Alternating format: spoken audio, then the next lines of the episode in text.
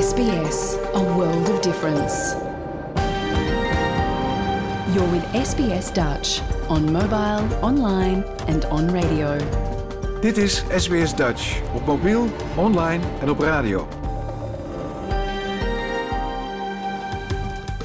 Graag erkennen wij de traditionele eigenaren en verzorgers van het land, van waar we vandaag SBS Dutch uitzenden, en uiten we ons respect aan de Camaragal mensen van de Kurungay Nation en hun ouderlingen uit het heden en het verleden. Ook kennen we de traditionele eigenaren van alle Aboriginal en Torres Strait Islander landen, van waar u vandaag naar ons programma luistert.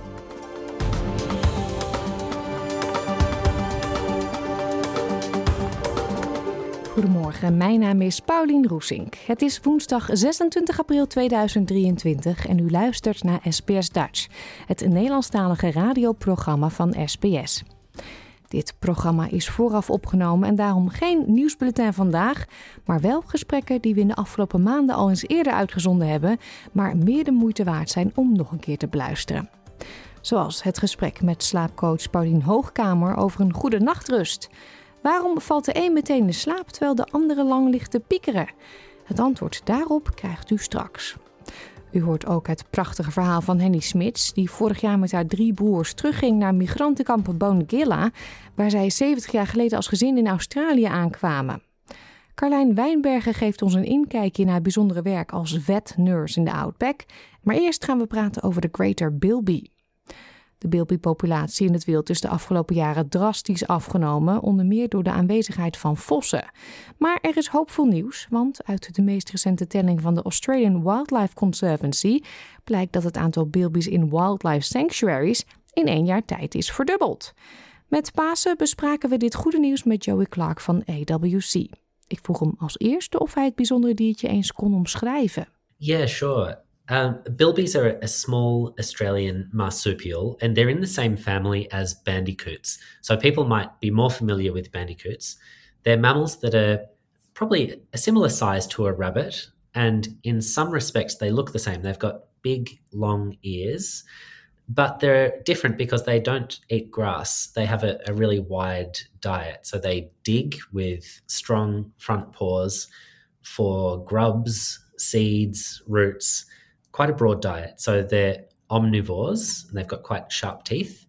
And then they've got this big fluffy tail, which is black for the first bit, and then with a white fluffy um, kind of flag on the end. So when they're hopping hopping away, you can see this white tail kind of waving through the air above them. They move a little bit like a cross between a, a kangaroo and a rabbit, if that makes sense. So not quite a hop, not quite a leap, I guess, we call it a lollop. So they lollop along, uh, moving in quite a unique way. Oh, that's the first word I learned uh, in this like, lollop. and what is their natural habitat? Well, they used to be found across a really broad swathe of Australia, from Western New South Wales right through Queensland, South Australia, the Northern Territory, and across most of Western Australia really they're they're fairly general in the sorts of habitat that they you know their habitat requirements. They live in burrows so they need sandy soil that they can dig into so it needs to be soft enough for them to build burrows. Um, but that's pretty much the only constraint. So they they were very widespread but unfortunately they've disappeared from a large part of that historical range mostly because of feral predators that was my next question because it is a fact that uh, over the years the population have shrunk dramatically. Initially, they covered about 70% of the Australian continent.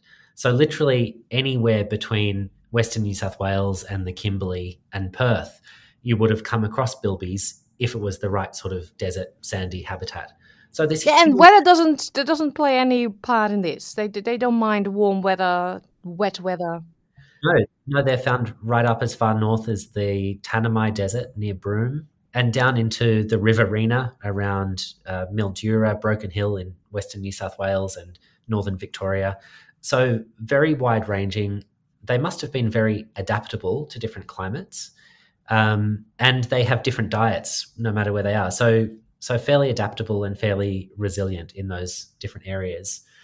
It seems as though they've disappeared from everywhere where there are fox populations in, in good numbers. So, as we know, when Europeans colonized Australia, they brought with them a whole range of feral animals, and that included cats and foxes. And they're the two species of predators that have really brought the most damage to Australia's native species, especially mammals. And for things like the bilby, which are just the right size for a cat or a fox to eat, they were just decimated very soon after cats and foxes spread. So the places that bilbies survive now, mostly further north than foxes have been able to establish. Another problem is that rabbits were brought to Australia and spread very quickly within just a few decades across most of the continent. And because rabbits breed in such big numbers, they provided a reliable source of food for foxes. So, kind of the, the rabbits spread first, the foxes followed them and colonized huge areas of Australia very quickly. And then, when the rabbit numbers collapsed, foxes switched the prey species they were eating. So, instead of rabbits, they started eating the native animals, and that's things like betongs and bilbies and bandicoots. And before long, there were a couple of dozen species of those mammals had gone extinct. Yeah, well, thank God for organizations like the Australian Wildlife Conservancy because you're trying to save these species. In wildlife sanctuaries, what is it? Is it just a big piece of land where they can live freely, but it is all fenced off? Yeah, that's right. So, our organisation, Australian Wildlife Conservancy, runs a really large network of non government conservation areas that we call wildlife sanctuaries. The area we work across now covers almost 13 million hectares, so about twice the size of Tasmania. And on many of these sites, we establish fenced safe havens. So, these are feral predator free areas with quite serious infrastructure in terms of fencing. So the, the fences that we need to build to keep out cats and foxes are about six feet high. They're electrified. They run 7,000 volts around the outside. And they also have a floppy top, so a kind of overhang at the top of the fence so that uh, animals can't climb over. Into these safe havens, we can then, you know, first of all, get rid of the cats and foxes and then re-establish populations of native species that would have been there originally and that includes things like the bilby. So we've now established bilby populations within these fenced safe havens across six different sites on mainland Australia. And they do really well in the absence of cats and foxes. So they breed up quite quickly. Yeah, because that's great news this week. Um, you do an annual count, like a census, and it's a record population, right? It doubled compared to last year. That's right. So, science is really key to everything that we do, and we monitor each of these reintroduced populations very closely. Over the last few years, we've started to collate our bilby population estimates into an annual census that we release around Easter time when there's so much attention on the bilby. And this year, we're really, really pleased to see that the latest estimate is more than double the 2022 estimate. So, this year, across those six sites, we now estimate there are over 3,300 individual bilbies across our sanctuaries. And that's a fantastic result because this species in total, you know, one estimate about a decade ago was that there might have been only 10,000 left in the wild. So we're making a really substantial contribution to not only stopping the species going extinct, but also restoring it to the landscapes where it plays an important role. Yeah. Is there an explanation why the population has doubled compared to last year? Because 2021 and 2022, you counted only 200 more. And this is such a huge jump in numbers. Yeah, there's probably a few things contributing to that. One is that we've established a completely new population at Newhaven in Central Australia. You know, that's a 10,000 hectare fenced area at the moment, well, last year we introduced 66 animals as part of the founder population. We expect that to grow much bigger, probably well over a thousand animals there. So there's still still space for these numbers to expand, even within the existing safe havens. So establishing new populations is one thing. It's also been really favourable conditions across many areas. So you know we've had three La Nina years with increased rainfall in lots of Australia. And we know that in general makes these ecosystems more productive. So there's more food available for for everything really, but especially for things like the bilby, which are generalist feeders. Hmm. Yeah, well, it's great news. But there was more great news this week. On Thursday, Anthony Albanese has announced that the federal government will invest more than $5 million in bilby protection programs. Yes, we really welcome this move. We know that it's difficult to get adequate funding for conservation of these threatened species. Um, it's great to see the government putting a priority on recovering species like the bilby, which are threatened across Australia. And we've also we also really welcome the commitment from the Environment Minister Tanya Plibersek to invest part of that money into fenced areas because we know that they work. We've got a really good technique. You know, this method does help to rebuild bilby populations, and so that's a, a very sound investment. Mm-hmm. Are they going to do anything against foxes? Because that's one of the biggest problems, not just for bilbies, I reckon. Yeah, I think it's really important that we have strategies to deal with all of the feral animal populations in Australia. Foxes, we know, have done a huge amount of damage to native species. Um, but really, to have a meaningful response, we need to have regional uh, and and larger scale approaches. So, you know, controlling foxes or cats on one property, one sanctuary, even if it's a big sanctuary, is good, but it's not going to have an overall impact on the national collective threat that they pose to wildlife. So we need to be looking big picture and we need to be looking into the future with emerging technologies, things like gene drive that might, um, you know, they, they hold the promise of a broader scale solution to these feral animals. Mm-hmm. Yeah. Well, great news for the bilby. I, I reckon those over 3,000 um, healthy little marsupials, they will stay safe within the wildlife sanctuaries, right? We hope so. And we'll let you know next Easter how they're going. We hope to see a lot more growth in those populations so that future generations can also go and see bilbies and, and enjoy Australia's amazing wildlife. Slapen doen we allemaal, maar hoe kan het dat de een een ochtendmens en de ander een avondmens is? En dat de een binnen twee minuten dat hij in bed ligt vertrokken is, terwijl de andere soms nog een uur lang ligt te piekeren. We vroegen het aan slaapcoach Paulien Hoogkamer. Jouw gemeenschap, jouw gesprek, SBS Dutch. Pauline, jij zei tegen mij, slaap is mijn passie. Ja, volgens mij uh, vindt iedereen slapen heel fijn.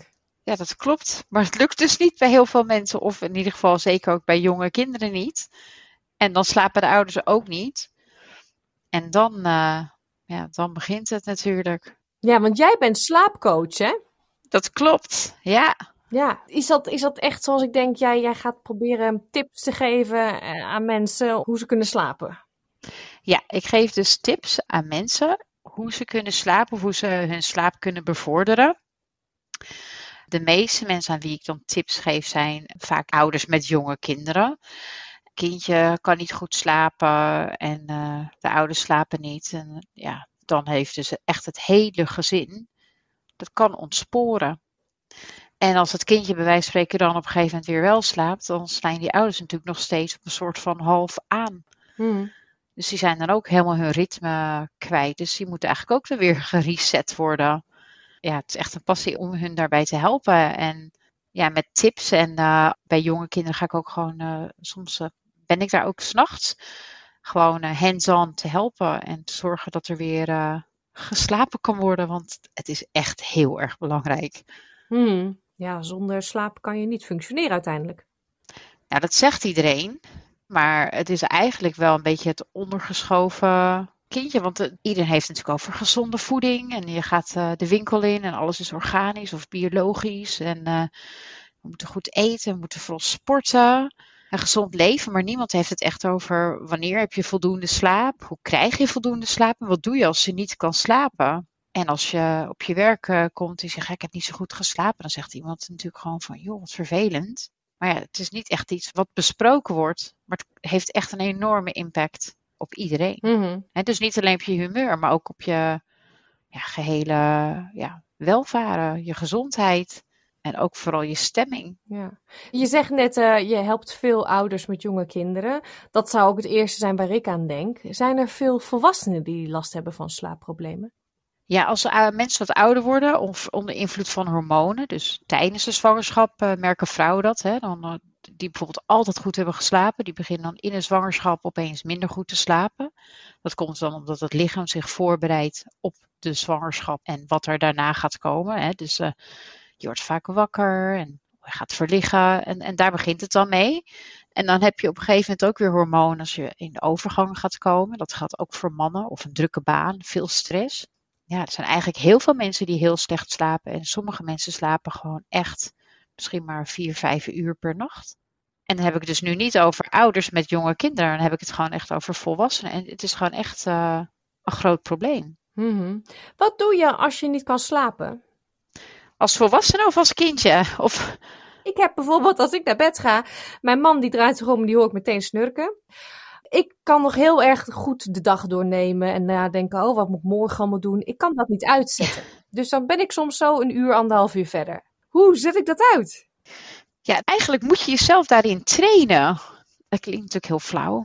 Maar ja, het is natuurlijk wat je natuurlijk vast wel eens ergens gelezen hebt. Kijk, uh, ik doe het zelf natuurlijk ook wel eens. Dan ga ik in bed en dan ga ik nog heel even ter ontspanning even kijken op Facebook wat mijn vriendinnen in Nederland uh, doen of in Australië of waar dan ook. En dan kijk ik nog even naar het nieuws.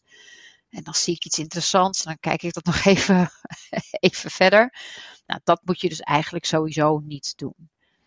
Eigenlijk moet je sowieso een uur voordat je gaat slapen echt niet op je telefoon of de televisie.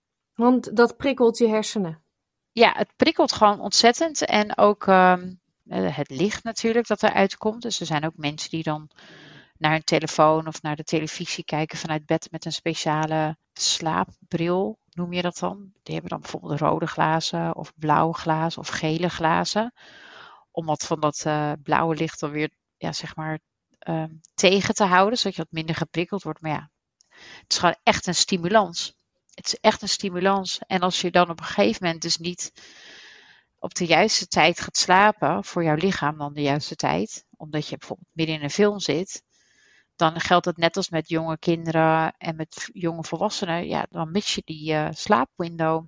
En dan uh, moet je lichaam zich dus opnieuw voorbereiden. Mm-hmm. En een slaapcyclus bij volwassenen is 90 minuten.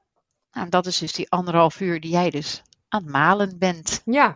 Maar je mag ook zeggen de dag doornemen. dat, dat zegt iedereen altijd, maar iedereen is eigenlijk natuurlijk aan het malen. De boodschappenlijst alvast dan doornemen. Het is natuurlijk niet dat je in bed ligt dat je denkt, oh, wat een ontzettend leuke dag. Oh, heb ik gelachen. Nee, het zijn natuurlijk uh, dat je denkt, oh, morgen moet ik nog dit doen. En dat had ik anders kunnen doen. En ja, oh, het is toch een beetje piekeren. Ja, schuldig. Ja, ja, het is dus niet echt gezellige ja, meditatie, zeg maar. Dus ja, dan heb je eigenlijk al je slaapwindow, zoals we noemen je sleep window, heb je eigenlijk al gemist. Het is echt ook voor volwassenen heel belangrijk elke dag op dezelfde tijd naar bed te gaan. Saai, hè? Ja, en jij zegt net ook, als je te laat naar bed gaat voor je lichaam, hoe weet ik hoe laat mijn lichaam naar bed wil eigenlijk? Nou ja, vroeger, echt vroeger zeg maar, dan uh, hadden ze olielampen en dan dachten ze, nou, ik vind het wel prima, we hebben een dag hard gewerkt. En ze gingen met, met recht met de kippen op stok, zeg maar. Maar goed, als volwassene heb je gewoon een bepaald aantal uren nodig. Hè? En het, er zijn mensen die met vijf uur s'nachts genoeg hebben, maar dat, dat is echt zeer uitzonderlijk. De meeste mensen hebben toch echt wel acht uur nodig. Dus kijk, je hebt natuurlijk een bioritme, dus dat is gewoon, je bent een avondpersoon of een ochtendmens. Dat is gewoon een natuurlijke ritme, je, hè, daar reageert je lichaam op.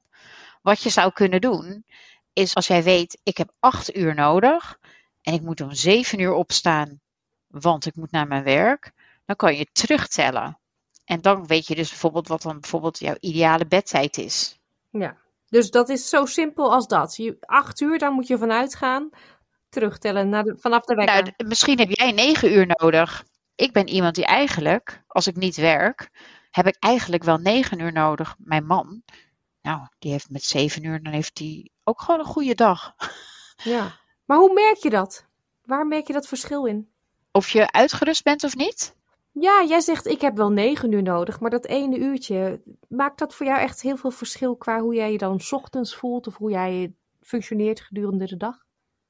Ja, in de ochtend, uh, ik ben dus een ochtendmens, dus dat is gewoon mijn ritme. In de ochtend, nou, als het vijf uur, als de wekker gaat, dan ben ik wakker. Dan kan ik van alles, heb ik heel veel energie. En dan ga ik als een speer. Een avondmens gaat natuurlijk dan s'avonds uh, nog even klussen of zo. Maar ik merk dan dat ik vanaf een uurtje of drie, vier, ja, dan word ik, ik word langzamer. Ja, ik word wat minder vrolijk, ben wat sneller geïrriteerd. Dan merk ik dan gewoon dat ik niet genoeg heb geslapen. Mm.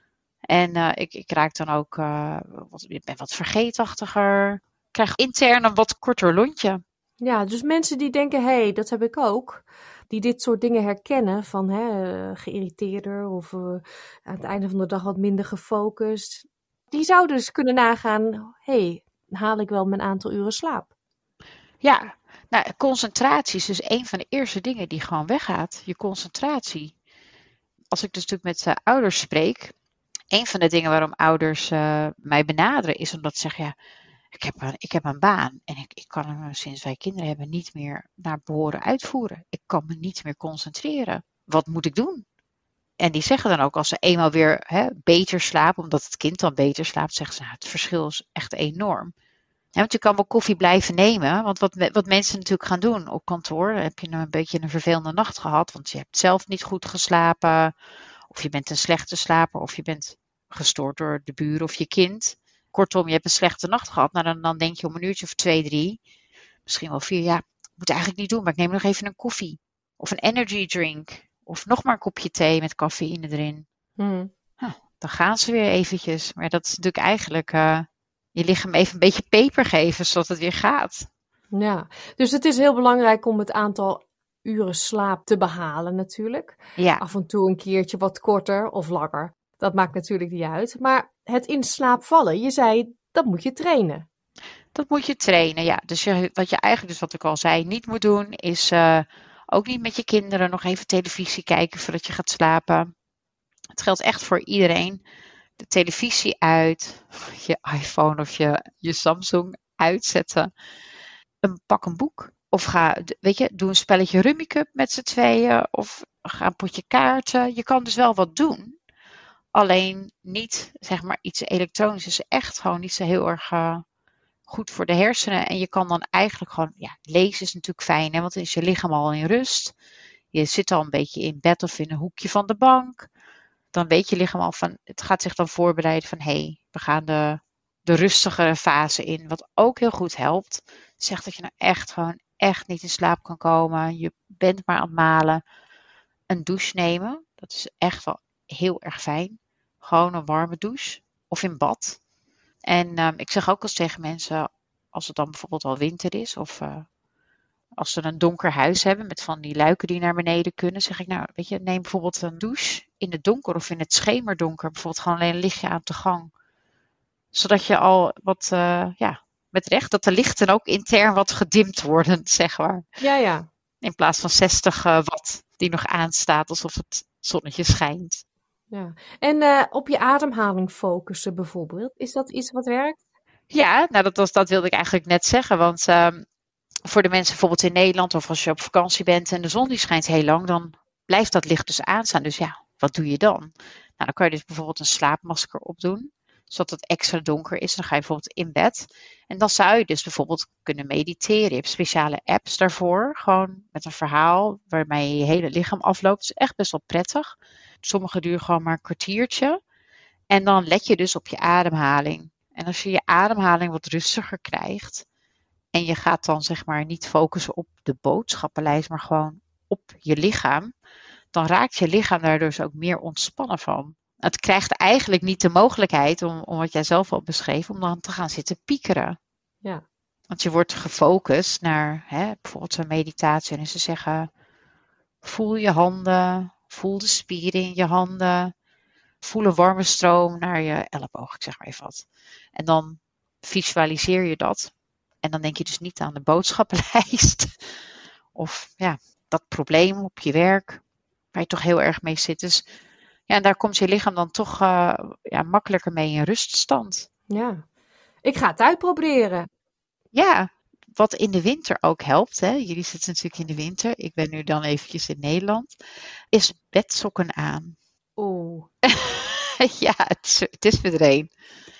Maar het helpt wel. Je kan ze ook bijvoorbeeld aandoen als je in bed gaat liggen. Je hoeft dus niet de hele nacht aan te doen. Maar gewoon bij het naar bed gaan. Dat je gewoon echt lekker de warme sokken aandoet.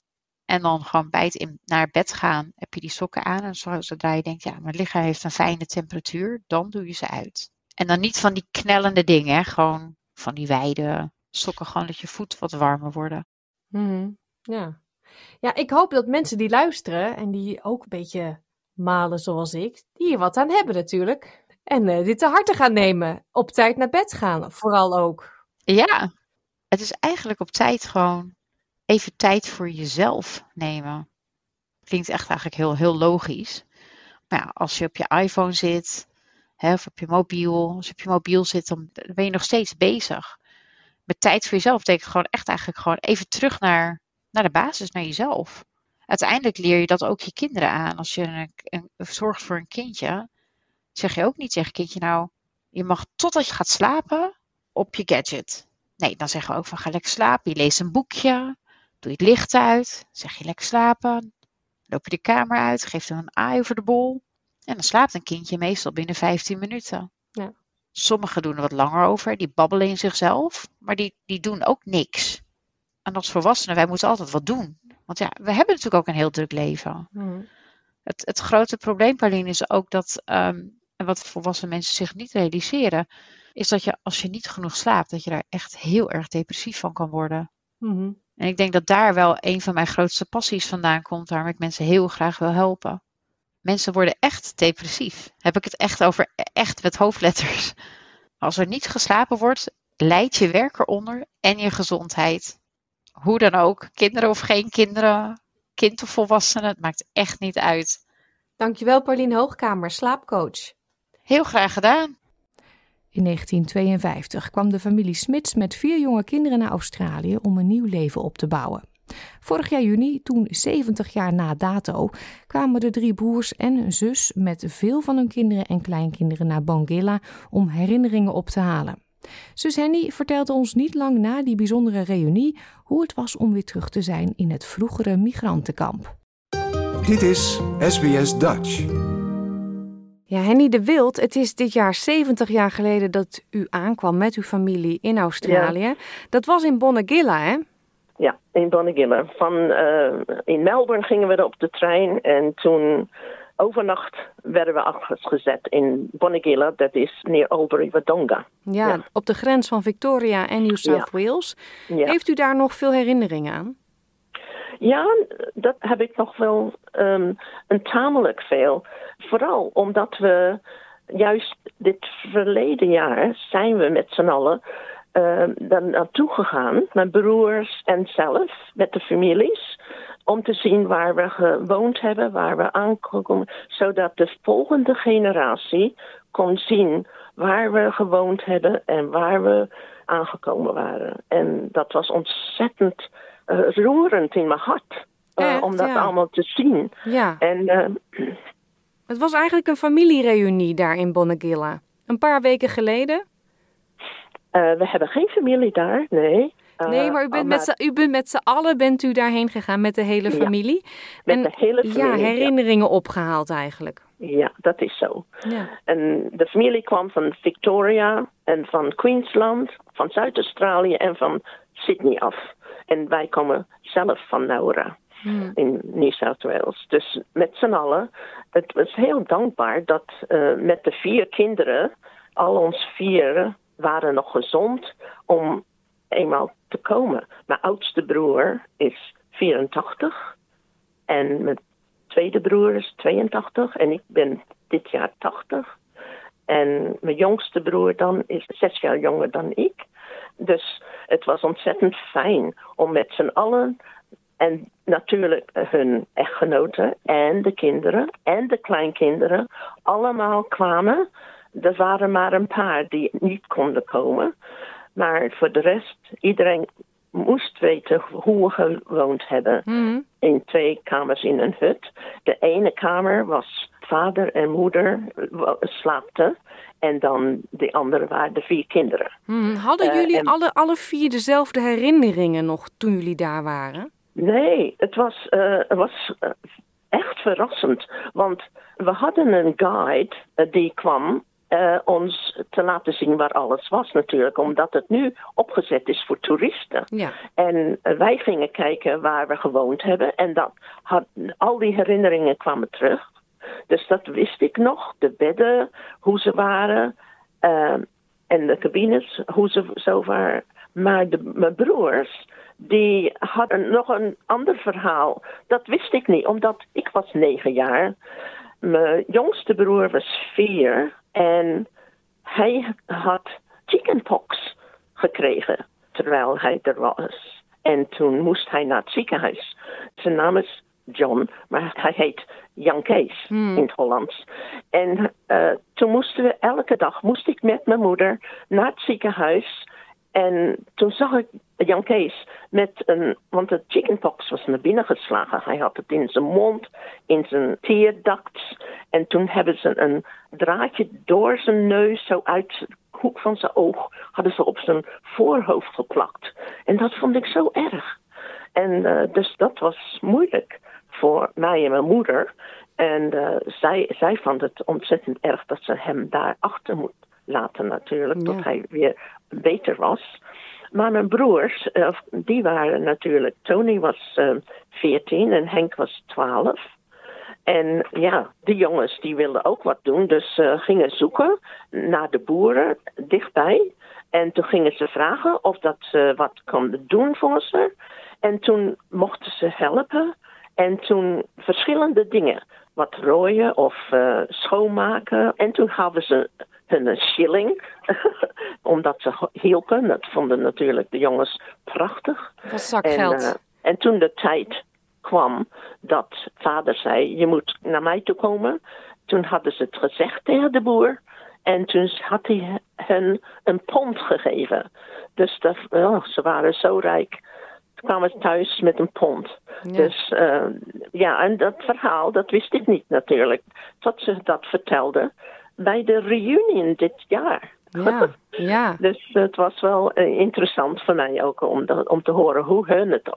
Um, maar ze vonden het allemaal prachtig natuurlijk. Wij vonden het allemaal een groot adventure ja. natuurlijk. Uh, maar toen we met de reunion samenkwamen, het vond ik uh, wel dat mijn moeder en vader uh, heel braaf waren om met ons vier kinderen zo naar Australië te komen met geen geld en met de moed dat uh, ja, we gaan een nieuw leven doen en om zo alles had ze ingepakt zodat waar we ook kwamen ze kon kamperen. We hadden een hutkoffer, die droegen we mee natuurlijk, uh, met handtassen en zo. Ze had even, zelfs had ze een po meegenomen. uh, een ze toch naar de wc kon. een grote ceramic po. En die heb ik zelf nu nog. Wauw. Uh, en die had ze aan de hand meegenomen. Nou, dat kan ik moeilijk om te indenken, maar ze dacht bij het eigen als kinderen, you know, ergens moesten naar de wc, dan had ze, was ze bereid. Heel slim, ja. ja. ja. ze waren inderdaad heel moedig en heel stoer ja. dat ze deze stap ja. hebben ondernomen. Dat, dat vond ik ook. En dat uh, nam ik meer in dit jaar toen we weer kijken wat ze allemaal gedaan hadden en waar ze woonden. En uh, de trein waar we aankomen, toeristen, ding gemaakt waar koffers op het uh, platform staat. En daar hebben we foto's genomen. Dus dat is heel uh, fijn geworden. Mm. Ja. Ja. mijn zoon, die gaat er een boek van maken voor, voor ons. En ik heb niet zoveel foto's, omdat we meer in de foto's stonden. We hadden een lijstje aan een herdenkingsmuur waar we de Smits familie op stond. En met de kinderen. En de jaar dat we aangekomen zijn, waren en zo. Dat was heel mooi. En dat mochten we, is het woord onthulden of zo? Ja, onthullen, klopt. Ja, dus onze vier, ik met mijn drie broers, stonden erom met foto's en hebben dat zo omhuld. Dus ja, dat was een, uh, een mooie herinnering. Ja, en, staat er uh, nog iets van die huisjes waar u in heeft gewoond? Misschien niet uw huisje, ja. maar een huisje? Uh, het is geen huisje, er zijn cabines. Ja. En vroeger woonden de, de mensen die op de Snowy River scheme werkten. Een hoop Italianen woonden daar. Mhm. Maar in 52, toen wij er aankwamen, was het natuurlijk voor al onze emigranten. En in die tijd dat wij kwamen, was ook ontzettend mooi. We gingen van Holland, van Vlissingen uit. En in 53, in februari 53, was er ontzettende overstroming.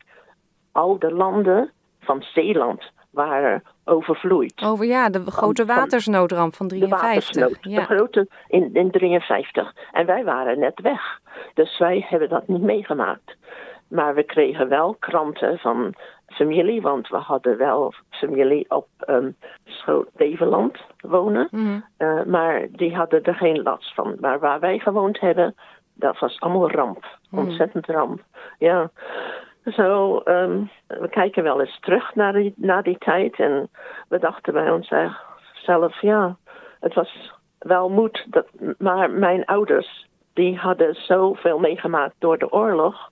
Dat mijn vader wou geen eens terug om op, op uh, visite terug naar de familie te gaan.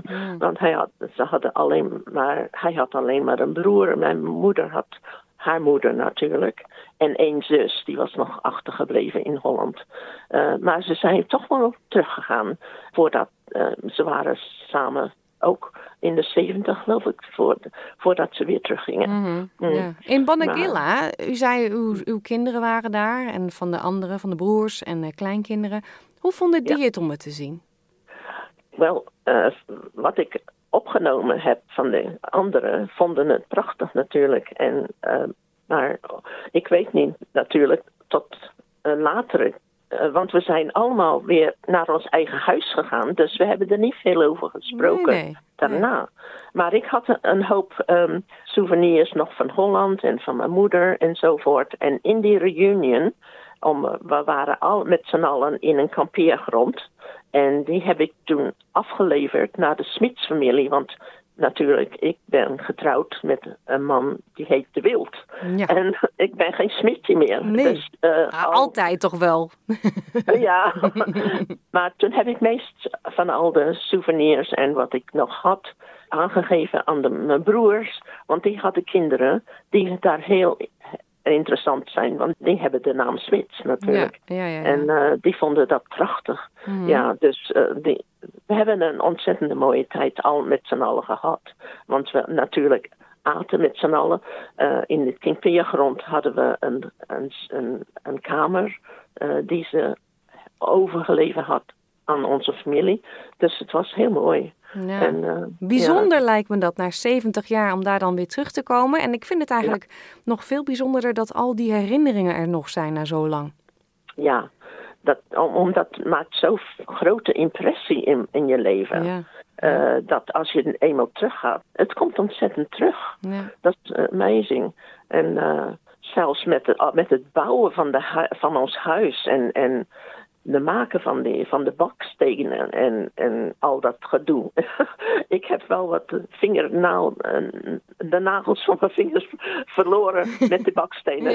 ja, ja, ja. En, en op, op, op, op een moment vierden we, uh, want we hadden drie, 300 stenen gemaakt op één weekend. Dus het, dat was uh, celebration time. mm, ja. ja. Dank u wel, Henny de Wild, voor um, het vertellen over Bonagilla. We hebben weer ja. uh, wat geleerd.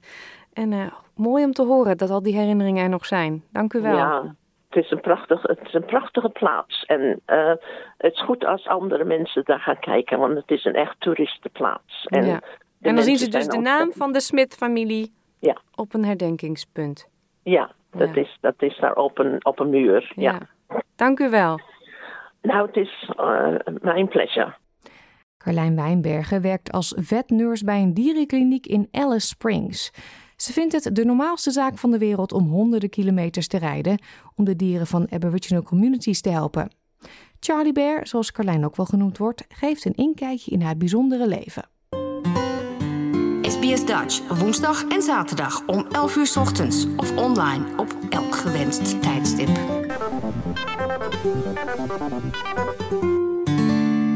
Carlijn, voordat we over jouw reet interessante werk gaan praten, hè, leg eens ja. uit. Charlie Bear. Nou, um, Carlijn is natuurlijk best wel een uh, Nederlandse naam.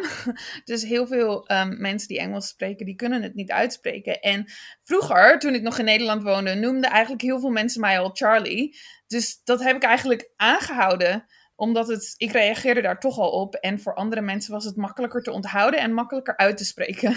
Ja, ja, ja. En de bear, dat is gewoon. Ja, ik weet niet, dat is er gewoon zo achter gekomen. En opeens was dat er. Ja, jij uh, hebt uh, al 2,5 jaar in Catherine gewerkt als uh, paraveterinair en ook sinds kort nu in Alice Springs. Ja. Dat klinkt als een geweldige job. Ja, het is super, super. Ik vind het super leuk. Het is um, omdat Alice Springs en Catherine beide best wel um, afgelegen zijn. Hier in Alice Springs, de dichtstbijzijnde andere kliniek, is 700 kilometer bij ons vandaan. En dat is een kleinere kliniek dan wij zijn. En in Catherine, de dichtstbijzijnde andere kliniek, is 350 kilometer bij ons vandaan. We krijgen dus alle um, noodgevallen, en, maar ook vaccinaties van puppies. Um, ja, alle dingen die normaal in een stad naar een specialist zouden gaan, die blijven bij ons. En die dingen kunnen wij behandelen en zien. En het is super interessant. Ja, want paraveterinair, we hadden het er zo straks even over. Uh, je bent geen dierenassistent, maar je bent ook geen dokter, geen dierenarts. Nee. Het zit er een beetje tussenin, hè? Een, een soort van dierenzuster. Ja, ja, een soort van dierenverpleegkundige. Ja. Ga jij dan alleen op pad? Of ga je altijd met een dierenarts mee? Nee, we gaan altijd met de dierenarts. Het is altijd samen. Meestal om de dierenarts te ondersteunen, maar ook gewoon voor veiligheid en gezelligheid. Mm Maar je zegt de dichtstbijzijnde kliniek is 700 kilometer verderop. Moet ik me dan voorstellen dat jullie wel eens 300 kilometer naar, uh, naar een gemeenschap rijden? Ja, ja dus wij uh, gaan naar alle Aboriginal, niet alle, maar we gaan naar veel Aboriginal communities hier rondom Alice Springs. Om daar alle honden en katten te steriliseren en castreren. Um, en om ze te behandelen voor wormen en vlooien en teken om de honden en de mensen in de community gezond te houden. Maar ja, we rijden heel ver. We rijden um, vanaf hier tot aan de grens met WA. En we blijven daar dan ook een paar dagen, soms een week, soms zelfs tien dagen achter elkaar om um, de hele community te voorzien van um, veterinary care. Hmm. Hoe is het om naar die Aboriginal communities te gaan? Je zegt dat zijn onze uh, klanten, zeg maar. Je gaat niet naar boerderijen met kettle en daar uh, nee. koeien helpen of zo. Nee, dat doen we niet. We worden zeg maar ingehuurd door de communities zelf om daar um, population control te doen. En het is echt super, super leuk. Super mooi. Het is hard werken, want je bent niet in de kliniek, dus je zit niet in de airconditioning. Dus soms is het 35 graden en je loopt buiten rond, wel met je lange broek aan.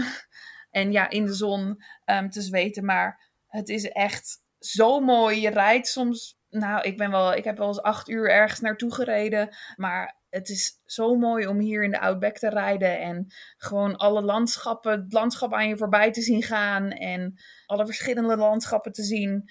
Ik ben hier in Alice Springs naar een community gegaan. En onderweg zie je brumbies en kamelen. En in Catherine, je ziet emus. Um, ja, het is iets wat je normaal nooit zou zien. En je komt in de communities en daar komen mensen normaal niet. Tenzij je daar werkt. Nee, want hoe is dat? Ja, het is heel bijzonder. Het is anders dan dat ik had gedacht.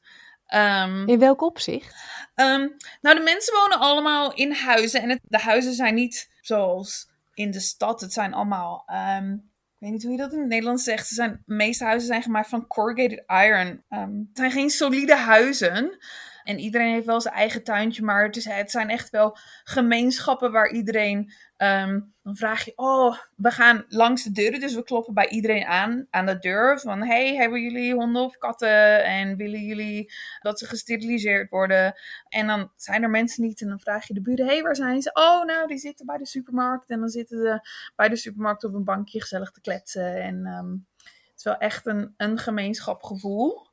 Um, maar ja, het is ook wel een beetje een schok om te zien hoe de mensen daar leven. Want het is niet allemaal roziger en maneschijn natuurlijk. Hmm. Maar het is, het is heel bijzonder, want ik denk niet dat ik er ooit in een Aboriginal community zou zijn gekomen als ik niet hier zou werken. Nee. En je wordt ook wel geaccepteerd.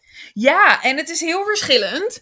In um, sommige communities komen mensen aangerend als ze ons zien, ehm, zien komen. Oh, ik heb een kat of ik heb een hond en ik heb gisteren een kakatoe gevonden. Kun je daar alsjeblieft naar kijken? En wanneer kom je bij ons?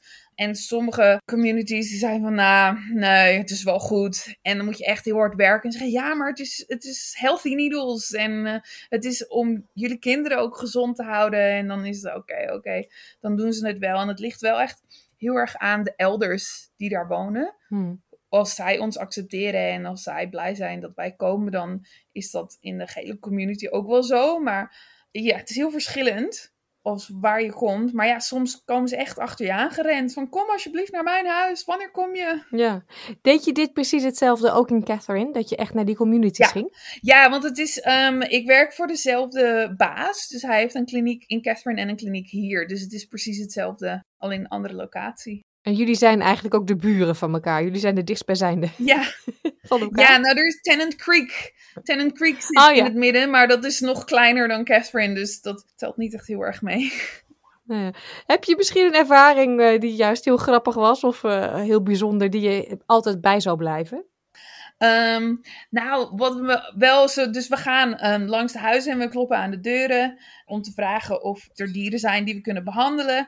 En als we dan de operaties doen, die doen we dan ook daar. En ik ben in Menengrida geweest, dus dat is best wel in het noorden, in de top end.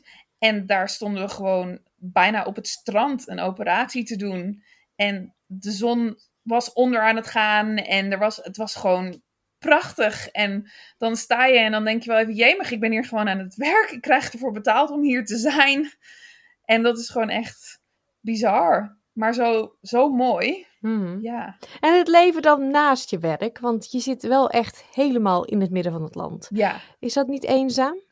Um, ja en nee, want hier in, in Alice Springs en maar ook toen ik nog in Catherine woonde, heel veel mensen die komen hier om gewoon een aantal jaren te werken. In Catherine kende ik bijna, op, op mijn collega's na kende ik bijna geen mensen die echt in Catherine geboren waren en die daar voor altijd wilden blijven. Maar ik heb gewoon een grote groep vrienden en heel veel mensen van Adelaide. Het is heel populair. Als je in Adelaide komt, dan rij je gewoon de weg op. En dan... Um, Dan denk je, nou, na drie, vier dagen stop ik eens en hier blijf ik. Maar er zijn heel veel mensen die in dezelfde situatie zijn. En dat is wel heel fijn, want iedereen wil graag vrienden maken en iedereen wil graag ontdekken. En als het weekend is, dan gaat er altijd wel iemand ergens naar een gorge of een waterhole of ergens naartoe om iets van de natuur te zien of iets leuks te doen. Hmm. Dus ja, het is wel eenzaam in de zin van niet de familie en dat soort dingen, maar je maakt hier zo snel vrienden omdat iedereen toch wel een beetje in hetzelfde schuitje zit. Ik heb toch op een of andere manier een beetje een soort van flying doctors gevoel. Kan er niks aan doen. nou, het grappige is, de kliniek waar ik in Catherine in werkte, er is schijnbaar, ik heb het zelf nooit gezien, maar het schijnt op YouTube ergens te staan, 20 jaar geleden Flying Doctors opgenomen. En dat was opgenomen vanuit de kliniek waar ik in Catherine in werkte, vanuit het gebouw. Nou, kijk, dat voelde ik. ja. ja. Eh, zie je dit jezelf nog heel lang doen? Is dit jou, gewoon jouw bestemming? Is dit wat je moet doen je hele leven? Um, ik denk niet mijn hele leven. Want ik weet niet, het is super mooi en, en ik hou er heel erg van. Maar het heeft ook wel een beetje een, um, een houdbaarheidsdatum, zeg maar. Het is niet iets wat ik mijn hele leven zou willen doen. Maar ik denk dat ik dit nog wel uh, een paar jaar volhoud. Ja, zeker wel. En dan heb je al een plan. Ga je dan naar de stad? Blijf je in Australië? Ja, ik wil wel in Australië blijven, want ik ben nu op mijn sponsorship visa. Dus volgend jaar rond deze tijd kan ik mijn permanent residency aanvragen. Ja, dan weet ik het eigenlijk nog niet echt. Ik denk dat ik hier misschien nog wel eventjes blijf. Maar ehm, ik ben nog nooit in Tasmania geweest, dus misschien ga ik wel naar Tasmania en kan ik daar een tijdje werken. Ja, nou dankjewel Carlijn dat je ons een inkijkje gaf in jouw werk. Zo in de Outback als uh, dierenverpleegkundige. Ja, geen dank.